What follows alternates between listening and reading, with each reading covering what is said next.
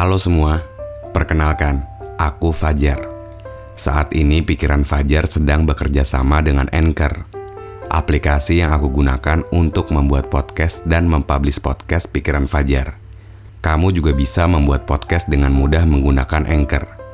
Podcast kamu juga bakal didistribusikan ke Spotify dan platform podcast lainnya secara gratis. Download aplikasi Anchor, lalu bikin podcast kamu sekarang juga. Aku tunggu ya.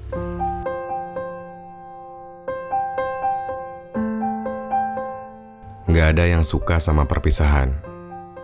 Bahkan untuk menyebutkannya saja, kita marah dengan kata-katanya. Tapi yang kita tahu bahwa perpisahan selalu ada di kehidupan manusia. Kita memaksa diri kita untuk terus menerima.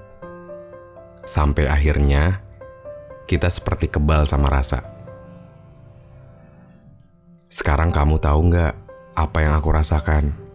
Enggak kan?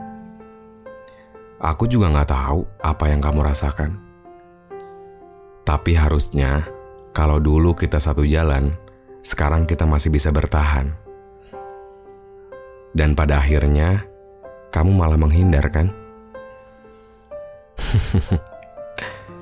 semoga yang ditinggalkan dapat menemukan kebahagiaan. Dan semoga yang meninggalkan nggak lagi bertemu sama kata perpisahan.